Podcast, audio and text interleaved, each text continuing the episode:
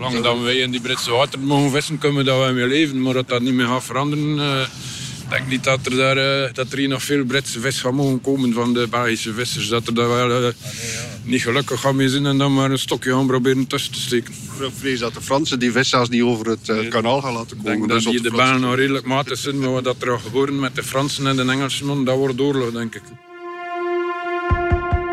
De Belgische vissers maken zich zorgen, want nu een harde brexit weer op de tafel dreigt te komen, valt ook een deal over de visserij weg. Het Britse water is erg belangrijk voor onze vissers. Wat hangt er de Belgische vissers boven het hoofd en dreigt de tong van uw bord te verdwijnen? Het is maandag 28 september. Ik ben Alexander Lippenveld en dit is de podcast van de Standaard.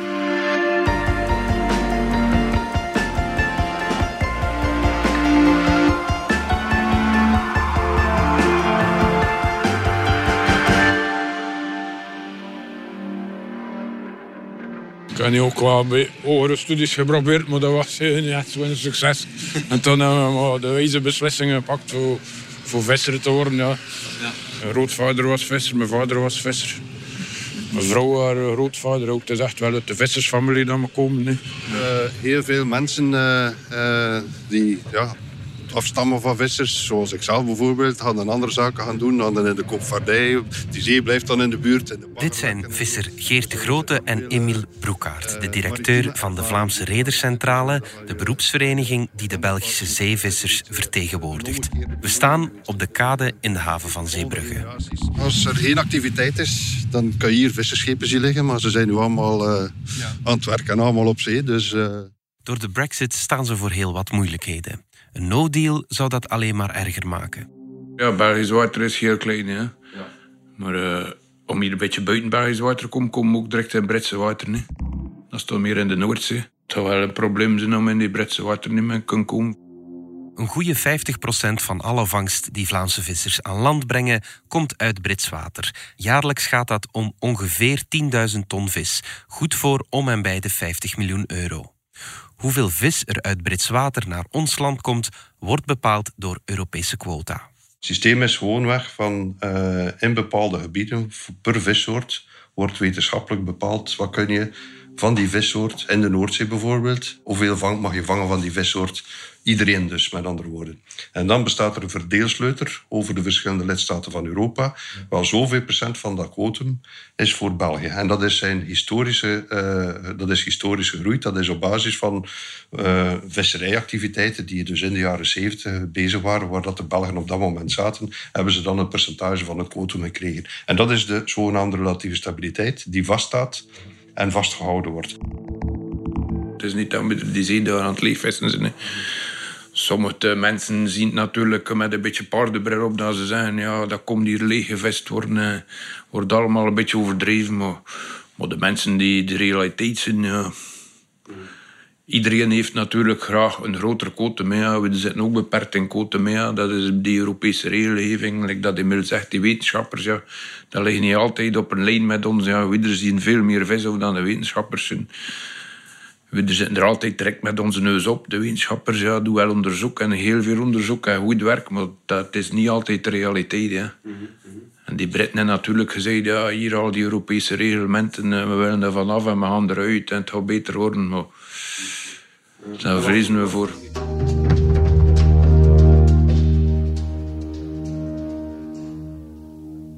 De visserij is een sector die door Europa erg sterk gereguleerd wordt. En laat die Europese regeltjes nu net hetgeen zijn waar de Britse premier Boris Johnson vanaf wil. Uh, we've got to get a great deal for, uh, for our fish. Our coastal waters go out 200 miles, and there's a potential to do really well for, for UK fishing. Get Brexit done, but there's also the chance now uh, for, for UK vessels to recapture some of that uh, spectacular marine wealth we lost over the last few decades. Get Brexit done, help the fishing industry, and, and so much else besides. Taking back control over our fish. Zo wordt de visserij een symbooldossier in de Brexit. Dat is sterk gebruikt geweest, de visserij en dat eigen water in dat referendum. Ja. En iedereen een beetje hun hoofd zot gemaakt. En dat is in één water en dat zijn onze wateren. En dat, maar zit met een, soort territoriaal gevoel. Hè. Dus uh, het VK stapt eruit en nu hebben ze, moeten zij de controle krijgen over wat hun exclusieve economische zone op de zee is. En dan kun je het voorstellen natuurlijk. Maar ons verbaast het inderdaad dat, dat visserij zoveel aandacht trekt.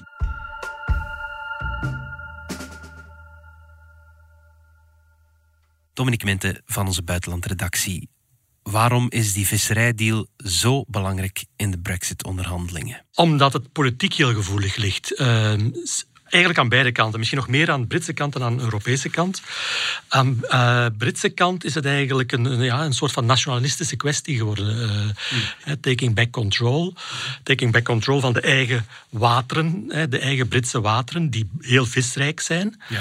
Iedereen kijkt daarnaar. Dus zowel de vissers maar een klein deel uitmaken van, van de beroepsbevolking, zitten die wel erg verspreid. Het zijn dan kleine gemeenschappen die verspreid zijn over heel, heel Groot-Brittannië, langs de kust weliswaar. Maar die zitten in alle kiesdistricten waar ook vaak conservatieve parlementsleden zitten, okay. uh, die voor brexit hebben gestemd. En die moeten nu iets gaan terugdoen aan, aan hun kiezers, aan hun vissers. Ja. En als dat niet lukt, dan is dat als, wordt dat gezien als een symbool van uh, ze breken hun woord, hun nationalistische beloftes mhm. rond de brexit. Ja, spelen die Europese regeltjes ook hierin mee? Waren de Britten slecht af in die visserijakkoorden? Dat speelt waarschijnlijk ook mee, ja. En op zich zijn de, zijn de Britten daar eigenlijk slecht bedeeld. In de, de visserijakkoorden die er nu zijn, mm die zijn eigenlijk heel, heel erg voordelig voor de Europese vissers. Die mogen echt veel, veel vis gaan op, opvissen in Britse wateren. Terwijl het gaat, dat is allemaal geregeld via quota. Ja. En, en eigenlijk hebben bijvoorbeeld de Fransen en de Belgische en de Nederlandse vissers komen daar goed uit. Die mogen eigenlijk redelijk veel vis gaan vangen in Britse wateren, terwijl de Britse vissers uh, zich beperkt voelen door, door, die, door die, die quota. Ja. En dat willen ze eigenlijk heel, helemaal terug opnieuw openbreken. Nog zo'n voorbeeld van die Europese regels is de aanlandingsplicht. Daardoor moeten vissers alles wat ze vangen ook effectief aan land brengen. Ook de bijvangst die voor hen niet interessant is. Dat zijn al de, de kleine visjes die, die anders terug overboord gezet worden grotendeels levend, die moeten nu met een groot deel beperkingen en uitzonderingen aangevoerd worden. Die Britten zijn daar ook niet gelukkig mee. Maar u zegt de Britten aan naar hun vissers, hey, we gaan uit de EU, die aanlandingsplicht, daar zijn we vanaf.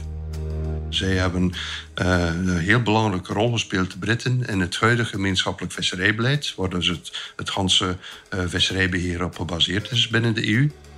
Dus alles wat dat erin staat, onder andere die aanlandplicht, is onder druk van, van Britten gekomen, zelfs in, het, uh, in grote mate. Dus uh, ik denk niet dat ze zomaar uh, die zaken gaan loslaten. Dus het klinkt ons een beetje raar, de vraag van onze collega's om te zeggen van wij willen weg van het gemeenschappelijk visserijbeleid. We gaan ze veel problemen hebben met hun overheid, die in feite een grote rol gespeeld heeft in het opmaken van dat visserijbeleid. Het standpunt van de Britten is dus niet altijd even duidelijk. Enerzijds willen ze van de Europese regels af, dat is bij de hele Brexit-deal zo. Anderzijds zijn de Britse vissers erg afhankelijk van de Europese markt. Niet alleen voor de export van hun eigen vangst, maar ook voor wat de vissers van het vasteland binnenbrengen via de Britse havens. De vangsten van de Britten zelf, voor 70% gaan ze die uitvoeren naar de EU. Eens dat we toegang hebben tot die Britse wateren, eh, hebben we ook de gewoonte dat we. Eh, effectief ook veel de Britse havens gebruiken. Om van daaruit onze vangsten dan naar hier te transporteren, om hier dan te verhandelen. Tot op heden verliep dat altijd vlot en hebben we nooit geen probleem met in die Britse havens. We kregen daar medewerking. Die havens uh, verdienden daar ook aan. Goede relaties daar, de Belgen en de Britse havens. Dat is, uh, zouden ons ook missen daar, denk ik. Wat de Britten willen is dan eigenlijk dat ze eigenlijk elk jaar opnieuw die quota's willen heronderhandelen. Dus eigenlijk zeggen ze van oké, we moeten jaar na jaar gaan wij dan beslissen van hoeveel mogen jullie Europeanen nog komen vissen in onze wateren. Ja. En dat zorgt er ook weer voor heel, heel veel onzekerheid aan de Europese kant. Dat is dan ook begrijpelijk dat de Europeanen daar niet op willen ingaan. Mhm. Want dan kunnen ze ook geen, geen lange termijn beloftes doen aan de Belgische en de, de Nederlandse vissers. dus dat blijft een heel moeilijk evenwicht en daardoor komen ze er maar niet uit.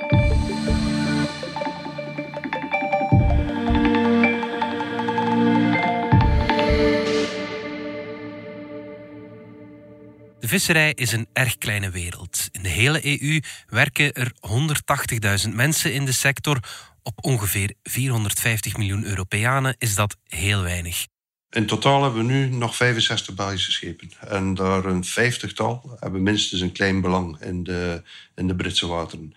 En daar uh, werken uh, momenteel een 400-tal vissers op, op die 65 vaartuigen.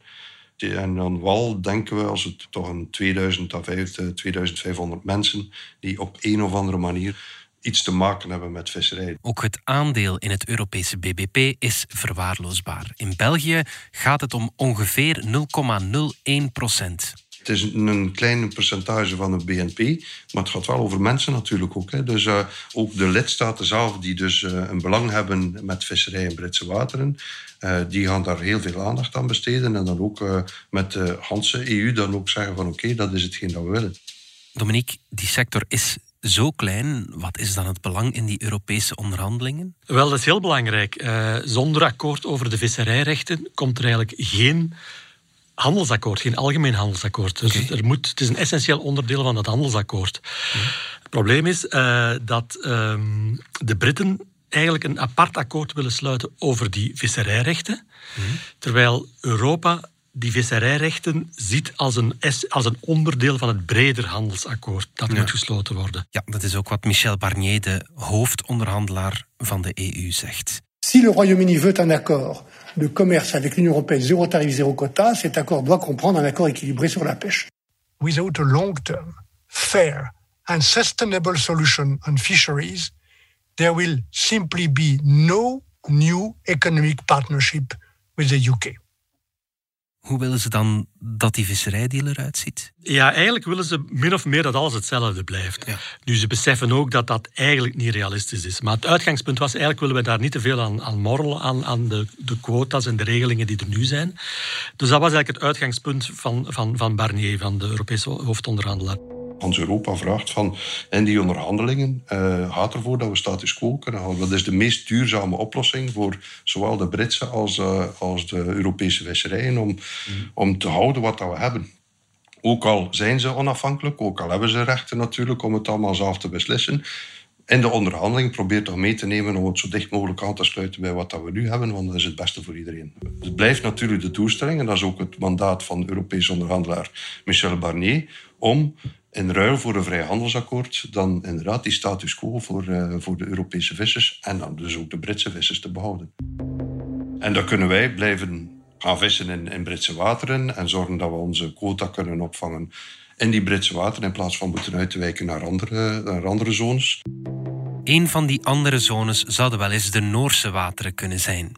De Britse situatie wat betreft visserij zou in de toekomst wel eens goed kunnen lijken op die van Noorwegen. Het land maakt geen deel uit van de EU en toch zijn er veel Europese vissers die naar Noorse wateren trekken. Het risico bestaat wel dat er veel nieuwe regels gaan komen in Brits water. Ja, daar hebben we uiteraard ook wel schrik van. Ja. Veronderstel wel dat ze niet regels kunnen opleggen voor de buitenlanders als ze moeilijke regels maken, gaan ze dreigen daar ook mee straffen, denk ik. Want het is heel complex. Ja. Technische aanpassingen aan het net en allemaal. Ja. Dus, uh... We kennen de situatie, maar dan op veel kleiner niveau uh, met Noorwegen. Noorwegen is ook lid van de EU. Zij hebben hun eigen visserijbeleid. En daar inderdaad, ja, om daar toegang tot te hebben, uh, tot de Noorse wateren, bestaan specifieke Noorse regels. Die bestanden die nu bevestigd worden, dat het is historisch dat er daar heel veel ervaring is het is niet maar zomaar simpel dat we zeggen, we gaan een keer uitvaren met die boot en we gaan bij vissen, want dan die, die vis verplaatst zich. En een jarenlange ervaring, familie op familie. Het grote verschil is dat we in Noorwegen spreken we over uh, vier of vijf soorten in de Noordzee. Als we de Hanse Britse wateren bekijken, uh, ja, dan, dan zit je met uh, over de 100, 110 soorten die moeten, waar moeten bekeken worden. En dat is veel te complex om daar dan een systeem uit te werken in Britse water zo en in, in EU-water zo.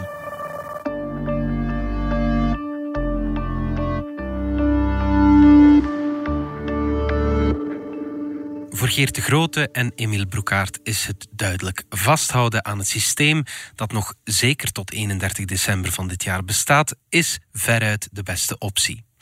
Door de moeizame Brexit-onderhandelingen lijkt dat steeds moeilijker. De onzekerheid begint zwaar door te wegen.